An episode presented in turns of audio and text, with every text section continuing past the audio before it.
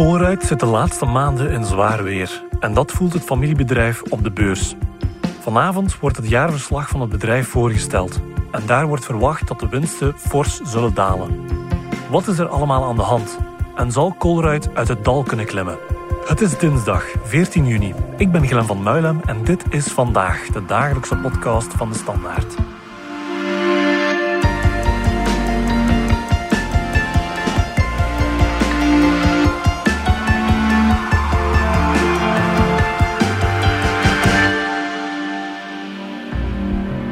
Pascal den Dove, economieredacteur. Het gaat de laatste maanden niet goed met de supermarktketen Colruyt. Het aandeel van het bedrijf heeft sinds april dit jaar uh, flinke verliezen geïncasseerd op de beurs. Hoe komt dat? Ja, wel, beleggers kijken vandaag vol spanning uit naar de resultaten die Colruyt na beurs vandaag bekend maakt. Daar zullen we meer weten hoe groot de averij is die Colruyt heeft opgelopen. De groep staat inderdaad onder druk. En dat zijn we eigenlijk niet gewoon van Colruyt. Ze waren eigenlijk van oudsher Europees een topspeler. Een zeer efficiënte retailer met netto winstmarges van 5 tot 6 procent. In een sector waar men gemiddeld 1 à 2 procent verdient. Dus Colruyt deed het substantieel beter, ondanks het feit dat ze een model hanteren van de laagste prijzen. Colruyt leek van beton, maar in dat beton blijken nu serieuze barsten te komen en die hebben te maken met de gewijzigde concurrentiële context. Colruyt is met name een prijsvolger. De andere spelers wisten van Colruyt duikt altijd onder onze prijs. Dus de klassieke marktleiders van wel eer hadden er eigenlijk geen belang bij om hun prijs zelf te laag te zetten, want dan wisten ze van veel marktaandelen gaan we daar niet mee winnen, want Colruyt duikt toch onder onze prijs. Nu, de kaarten zijn de afgelopen jaren door elkaar geschud. Je hebt een Carrefour die verzwakt is. Je hebt anderzijds Ahold die de Leize heeft gekocht, de nummer 2 in België. En je hebt een aantal nieuwe spelers die de markt betreden. Eh, met name dan Albert Geijn in de eerste plaats. Er is veel meer promotionele activiteit in de markt gekomen, waardoor dat Colruyt veel meer prijzen moet laten dalen om de goedkoopste te blijven. Terzelfde tijd zitten we vandaag in een klimaat van hoge inflatie. Kosten die stijgen, loonkosten stijgen, energiekosten stijgen. Eigenlijk alles wordt duurder. Door die toegenomen concurrentiële druk kan Colruyt die prijsstijgingen onvoldoende doorrekenen. En dan heb je ook nog de, de zijpaden. Hè. Beleggers hebben niet zo graag dat Colruyt zich ook met andere zaken dan de core business bezighoudt. Ja, wel, dat klopt, maar eigenlijk Colruyt houdt zich al altijd met zijspoortjes bezig. Ze hebben ooit bijvoorbeeld nog uh, motorhomes verhuurd. Ze hebben ooit nog houten Finse huisjes verkocht. Dus dat zit wel een beetje in hun cultuur. Alleen, zolang dat het goed ging met de groep, maalde niemand daarom. Maar waar beleggers zich nu wel zorgen om maakten, het laatste jaar zeg maar, is dat hun klassieke kernactiviteit, de supermarktformule Colruyt laagste prijzen, goed voor twee derde van de omzet, maar ik schat drie vierde van de winst, die staat onder druk, die wordt aangevallen. En dat precies op dat moment ze nog meer investeren in allerlei zijsporen, in plaats van die core business te versterken. Ze zijn daar wel mee bezig, maar de markt krijgt de indruk van, tja, ze stoppen hun geld in andere zaken en we zouden liever zien dat die winkelformule Corrit laagste prijzen, dat ze die winstmotor weten te beschermen. En dat zorgt dus voor ja, wat twijfel. Uh, kan je er ook eens een aantal getallen op plakken? Hoe erg is het eigenlijk gesteld met het aandeel van Colruyt? Ja, sinds het jaarbegin is het bijna een kwart van zijn waarde kwijt tegenover een, een Bel 20. Het is een van de 20 belangrijkste aandelen op de Brusselse beurs. Dus lid van die index Bel 20. Die index zelf is met een tiental procent gezakt. Colruyt zelf met bijna een kwart, dus een stuk meer. Eh, maar als je nog iets verder terugkijkt en zelfs gaat tot net pre-corona 2019, dan zag je dat het aandeel Colruyt op de beurs, dat die groep 9 miljard euro waard was. Nu is Colruyt rond de 4 miljard waard. Dus meer dan gehalveerd. Hoe zijn ze dan precies van, van plan om uit dat dal te kruipen? Ze hebben afgelopen week een aantal ideeën voorgesteld. En wat mij eigenlijk verraste toen, en ik denk niet dat ik de enige was, is van dat ze over het kernprobleem, de druk op een formule Colruyt laatste prijzen, dat ze daar nauwelijks over gesproken hebben. Ze hebben heel lang over verschillende zijsporen, hoe dat ze de digitalisering zien, hoe dat ze evalueren richting een soort platformaanpak. Maar de olifant in de kamer, probleem in een core business, werd nauwelijks benoemd. Dat was een eigenaardige vaststelling. Vandaar mijn conclusie. Men weet het blijkbaar zelf nog niet helemaal goed. Voor alle duidelijkheid, ze hebben daar een aantal concepten naar voren geschoven. Wij zeggen, we willen meer in de steden. We zien dat ehm, de bevolkingsaangroei dat zal zich meer en meer in de steden eh, manifesteren in België. En terwijl je op het platteland eerder een ontvolking zult hebben. Dus we moeten meer aanwezig zijn in die steden. De vraag is, hebben zij een sterke stadsformule? Begrijpen zij die stadsconsument goed? Daar ben ik niet van overtuigd. Colruyt die wordt ook heel vaak geassocieerd als een, een, een landelijke supermarkt, terwijl stedelijke inwoners die, die vinden veel vaker een weg naar De Leize, naar Albert Heijn. Maar dat zijn toch twee totaal verschillende soorten winkels natuurlijk? Het is een andere benadering, inderdaad. En zoals u, u verwijst naar De Leize, maar die is opgekocht, zoals u weet, door Agold. En de Nederlanders die staan in zaken stadsconcepten veel verder dan de Belgische retailers. En dat zie je ook. Dat verklaart ook een deel van het succes van die Albert Heijn winkels, die heel goed die moderne consument vat, dat ook nog eens koppelt aan een zeer sluw commercieel beleid. De perceptie creëren dat je goedkoop bent zonder het eigenlijk op een breed aantal producten te zijn, maar op een selectief aantal producten wel. Maar via de lijzen, denk ik, de veel grotere speler in België verdient Ahold de lijzen goed zijn brood. Je hebt dus een kleine speler die het Colruyt heel moeilijk maakt en dwingt, probeert dat model van laagste prijzen kapot te schieten. En dan grote broer De Leize in België, die via een beleid van ja, gezonde voeding probeert te scoren. En daar heeft Colruyt een heel lastige klant aan. Colruyt moet meer gaan innoveren om de concurrentie de baas te kunnen. Hoe willen ze dat precies gaan doen, Pascal? Ja, als u vraagt van hoe gaan ze in de steden meer voet aan grond krijgen, dan denk ik, ja, ze mikken daar op een buurtsupermarkt oké, die ze meer willen uitbouwen in de steden. Colruyt is heel goed in grote winkeloppervlaktes, efficiënt georganiseerd, waar mensen één keer per week komen shoppen, auto volladen, grote volumes grote kassatickets, waardoor dat, dat zeer efficiënt, zeer winstgevend voor hen. Terwijl een stadswinkel, dat is iets totaal anders. Hè. Mensen gaan met de fiets daar naartoe, gaan om de twee dagen verse sla en tomaten en diverse verse producten halen. Dat is niet waar Colruyt voor gekend is. Anderzijds gaan ze ook starten met thuisleveringen. Weet, in zaken e-commerce is Colruyt al marktleider in België via Collect Go. Maar dat was via een eigen Colruyt-model. Met name, u vulde uw boodschappenlijstje digitaal in en kon dan in een afhaalpunt uw boodschappen gaan ophalen. Colruyt gaat nu starten dat je niet meer zelf met je meestal auto naar een afhaalpunt moet rijden, maar dat ze in steden, in de grote steden, ze gaan mee beginnen in, in Antwerpen en Brussel, zelf thuisleveringen gaan doen eh, met uw boodschappenmandje naar u thuis brengen. Ze mikken ook op een, digitale app extra, die wat aan te kleden, daar allerlei toepassingen nog aan vast te koppelen. Maar goed, ze experimenteren ook. Een interessante innovatie was eigenlijk in Elsene, waar ze een afhaalpunt voor uh, fietsers en voetgangers hebben neergezet. En dat schijnt goed te lopen. We gingen even een kijkje nemen in dat afhaalpunt in Elsene. Ik vind dat super handig, want dan kan ik bijvoorbeeld gewoon, uh, terwijl ik aan het werken ben, al mijn boodschappenlijst samenstellen online. Want tegen dat ik thuis ben van mijn werk s'avonds heb ik niet altijd de tijd om, uh, om dan nog een uur in de winkel rond te lopen om alles te vinden. Niet per se altijd, maar dat is ook omdat ik het fijn vind om gewoon eens door de supermarkt te lopen en om toch nog eens verschillende producten vast te nemen. Bijvoorbeeld voor groenten en fruit vind ik het soms ook fijn om dat gewoon zelf te kunnen vastnemen. Uh, of om nieuwe producten te ontdekken vind ik het toch nog altijd fijner om eens door de winkel te lopen. Donc uh, les clients font leurs courses en ligne évidemment, mais ils viennent ici et on leur donne des produits et s'ils sont pas satisfaits, ils sont pas obligés de prendre ces produits-là. Donc ça, c'est déjà un avantage euh, par rapport aux autres magasins.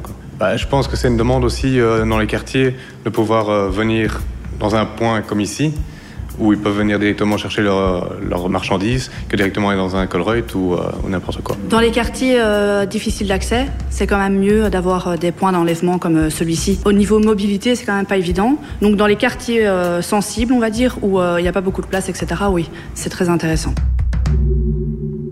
Wat ze daar gezien hebben, is dat iemand die met de fiets zijn boodschappenmandje komt halen, wel, dat die eigenlijk veel meer bestelt dan dat ze dachten. En dan zien ze ook dat die stadsmensen best wel wat bio-artikelen kopen. Dus hun aanbod van Bioplanet kunnen ze zo mee in de markt zetten in die stedelijke wijken. Dus in die zin hebben ze wel troeven in huis om beter te doen in de steden. Maar het zal erop aankomen voor hen van dat concept strak en goed te hebben en die stadsconsument werkelijk uh, volledig in de vingers te krijgen. Zal Colruyt op termijn zijn slogan de laagste prijzen nog kunnen volhouden? Ja, dat is de vraag die iedereen uh, zich stelt. Van in de tijd dat alles nog zwart-wit was, is het bij ons al altijd prijs. De laagste, daar mag u zeker van zijn. Is dat model houdbaar? Bij Colruyt zijn ze alvast vastbesloten die claim niet op te geven. Dus ze zijn bereid om, laten zeggen, een tijdje te zweten en te zwoegen. De vraag is alleen hoe lang er gezweet en gezwoegd zal moeten worden. Ik denk persoonlijk dat de concurrentiële druk van bepaalde spelers er niet kleiner gaat op worden. Dat dit geen tijdelijke druk is, maar dat het een structureel gegeven is. In een Belgische markt waar eigenlijk te veel retailformules al zijn, te veel winkels zijn, er nog altijd winkels geopend uh, worden. Uh, dus die druk gaat alleen maar toenemen. Voor de Belgische voedingsindustrie is het wel belangrijk dat Colruyt stand houdt, omdat het is nog de enige Belgische retailer die heel veel bestelt bij de Belgische voedingsindustrie, ook landbouwers. Wat dat betreft is de inzet niet alleen, ja, hoe gaat Colruyt het verder doen, maar het belang van Colruyt is nog economisch een stuk groter dan die winkels, dan die 600 winkels die ze hebben. We gaan er even tussenuit voor een korte boodschap. Beste mensen, dit is Harry van der Pas. Een van de personages uit de nieuwe podcast Zaad zonder naam. Zaad zonder naam, zonder zaad. Een podcast over de geschiedenis van de spermabank in België. Zonder naam.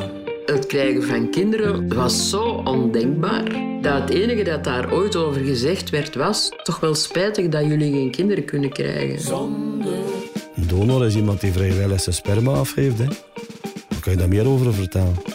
Zij willen allemaal wel zaad doneren, maar wel onder absolute geheimhouding. Zaad zonder naam. Omdat niemand de titel wilt krijgen, ik ben vader van duizend zonen. Een donor kent. Dat verwekt is door een donor zeker? Iemand die verwekt werd met gameten van een volwassene die het niet zal grootbrengen. Maar sommigen noemen dat koekskinderen. Een podcast van DS Audio. Binnenkort overal te beluisteren.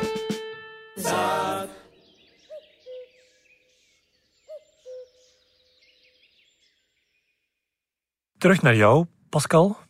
Niet alleen Colruyt had het de voorbije maanden moeilijk, ook andere supermarkten zitten in moeilijk vaarwater. Ja, je hebt twee effecten. Hè. We komen uit corona. Tijdens de pandemie waren veel alternatieve consumptiemogelijkheden dicht. Denk aan horeca, restaurants.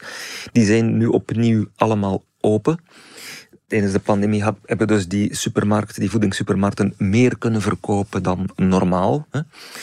En nu is de situatie dus opnieuw genormaliseerd. De concurrentie is terug open, horeca, restaurants, festivals, enfin, alle de consumptiemogelijkheden zijn er weer. Plus, je ziet nu dat die inflatie hen ook parten speelt. Die kosten uh, wegen in een dienstensector zwaar door.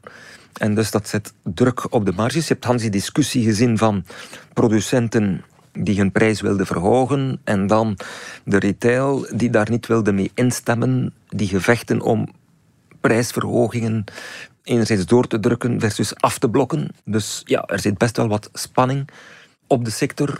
Het is voor iedereen een, een moeilijk jaar en veel spelers grijpen dus naar besparingsplannen. Recent heeft Ahold de Leize gezegd dat in België eh, ja, dat dat een moeilijke markt is en dat de Leize moet gaan besparen.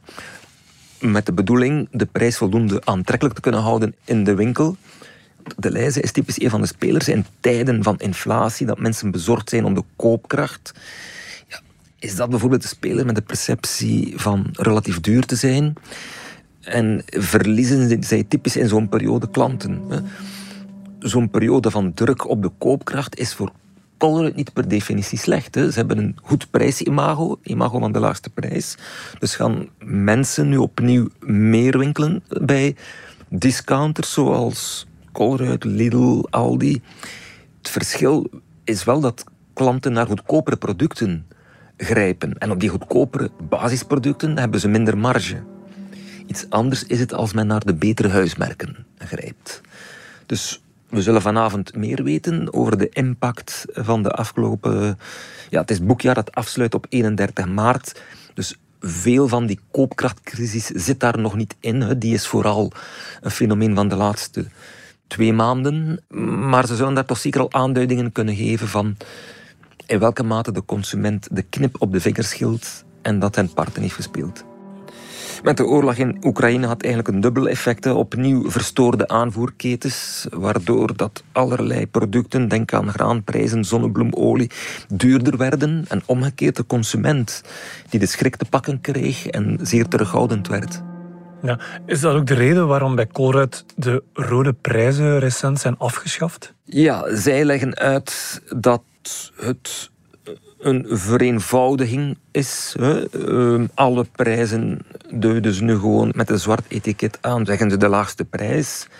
En de rode prijs is dan enkel nog voor eigen promoties. Persoonlijk vind ik dat een eigenaardige stap. De situatie was eigenlijk al een beetje bizar bij Colruyt, met name. Je zag in de winkel wel op al die etiketten dan reactie op een concurrent. Want elke dag noteren we 62.000 prijzen in andere winkels. Om u de laagste te garanderen in onze winkels. Maar ja, het was eigenlijk ook niet duidelijk. Is dat nu, was dat een kleine promotie die die concurrent deed? Of een grote promotie? 1 plus 1 of zelfs 1 plus 2 gratis? En je kon aan de kassa afrekenen terwijl je enkel artikelen had gekocht, afgeprijsd omwille van concurrentiële redenen zonder dat dan op dat prijsetiketje stond hoe groot je voordeel was. Dat was niet transparant. Maar nu ga je zelfs niet meer weten dat er iets afgeprijsd is omwille van concurrentiële eh, redenen. Dus ik vind niet dat dat de, transparantie ten goede komt. Wat weinig mensen weten is dat Colruyt ook een internationale speler is op de energiemarkt. Hoe gaat het met die tak van het bedrijf? Ja, daar hebben ze sinds jaar en dag investeren ze inderdaad in de energiesector. Dat is gegroeid vanuit het idee van dat ze minder afhankelijk wilden worden van stroom. En zijn ze eigenlijk zelf stroom beginnen maken. Jeff Colruyt legt uit dat het energieverbruik al sinds de jaren 60 een prioriteit is. Maar nu zet de groep in op groene energie. Al van de jaren 60 zijn we bezig van ja, hoe kunnen we lage kosten hebben. En lage kosten hebben doen we door laag energieverbruik en onze bedoeling is eigenlijk op termijn 100% van ons energieverbruik groen te hebben. Ze zijn een grote producent eigenlijk geworden van groene stroom. Eh, ze hebben nu al een productiecapaciteit van 1,2 gigawatt. Tegen eind volgend jaar zal dat zelfs 2 gigawatt zijn.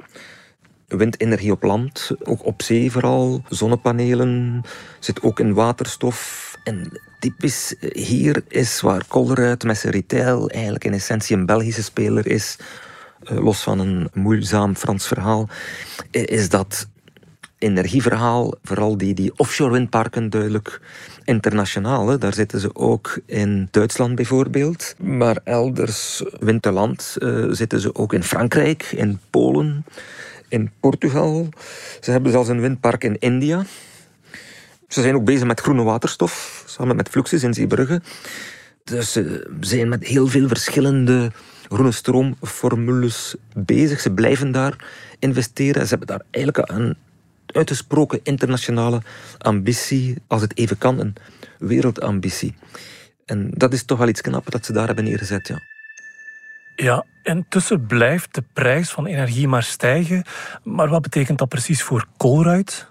Is een van de punten die analisten eh, graag veranderd zouden zien. Hans, die energiepoot, Firia noemt die firma, dat consolideren ze eigenlijk niet in een jaarrekening. Je vindt daar weinig informatie over wat al die verschillende windparken nu opbrengen, hoe dat die gewaardeerd moeten worden. De financiële gemeenschap zou graag zien dat ze daar meer informatie over geven. Ze zijn overtuigd dat ook de waardering van het aandeel ten goede zou komen. Dus tot nu toe is dat voor de buitenwereld een beetje een black box. Ja, de energiepoot van Colruyt is eigenlijk een logisch gevolg van een drang om altijd maar meer zelf te doen. Eerder kochten groepen bijvoorbeeld ook al landbouwgronden en stampten ze mosselkwekerijen uit de grond. Ja, dat zit echt in een cultuur. Hè. Colruyt is een beetje atypische, een beetje eigenzinnige groep. Hè. Ze zijn bijvoorbeeld een grote speler in zaken verpakking van kaas, een zeer grote vleesverwerker, zijn een wijnbottelarij. Zoals je zegt, uh, investeren ook in, in landbouwgrond. Uh, volgend jaar gaan we Belgische mosselen kunnen kopen die ze kweken in de Noordzee. Daar is soms wel een beetje links en rechts protest tegen. Hè. Bijvoorbeeld opkopen van landbouwgrond. Veel kleine boeren zien dat niet graag, omdat Colruyt is natuurlijk een partij met deep pockets. Hè. En ja, als er dan moet geboden worden op landbouwgrond, dan is die kleine boer geen partij voor Colruyt. Dat wordt een beetje met leden ogen bekeken. Maar anderzijds is er bij Colruyt toch wel een duidelijk streven van partnerships. Zij willen die Belgische agroketting mee ondersteunen. Ze hebben ook programma's lopen, zaken voor Belgisch melk, Belgisch vlees om dus die Belgische voedingsindustrie en die Belgische agrosector te ondersteunen. En ik denk dat we daar op dat vlak nog meer gaan van horen in de toekomst. We keren even terug naar waarmee we begonnen, dat is de beurs. Wat is jouw prognose voor de komende maanden precies, Pascal? Ik kijk vooral uit, los van de cijfers die ze nu gaan bekendmaken per 31 maart, ik kijk er vooral uit wat ze gaan zeggen over het boekjaar, waarvan al twee maanden voorbij is. Ik denk dat dit jaar nog lastiger wordt dan afgelopen jaar. Dus dat die druk op de marges absoluut nog niet voorbij is. Een van de vragen is inderdaad van kan Colruyt de komende twee jaar de bocht nemen en zijn uh, kernbusiness voldoende stutten. Anderzijds kijken beleggers ook uit naar nieuws over de opvolging van Jeff Colruyt. Dat is eigenlijk twee maanden geleden. Is de nummer twee van de groep al vervangen. Nu wacht men op nieuws over de opvolging van Jeff zelf. Ik denk persoonlijk dat dit nu nog niet gaat komen, maar dat chef pas volgend jaar zal opgevolgd worden. Als dat nieuws er is over die opvolging, zal men natuurlijk kijken welk soort persoon, wie wordt dat en welke accenten legt hij. Dat kan wel impact hebben op het aandeel. Oké, Pascal, dankjewel. Graag gedaan. Dit was vandaag de dagelijkse podcast van de Standaard. Bedankt voor het luisteren. Alle credits van de podcast die je net hoorde vind je op standaard.be slash podcast. Reageren kan via podcast.standaard.be. Morgen zijn we opnieuw.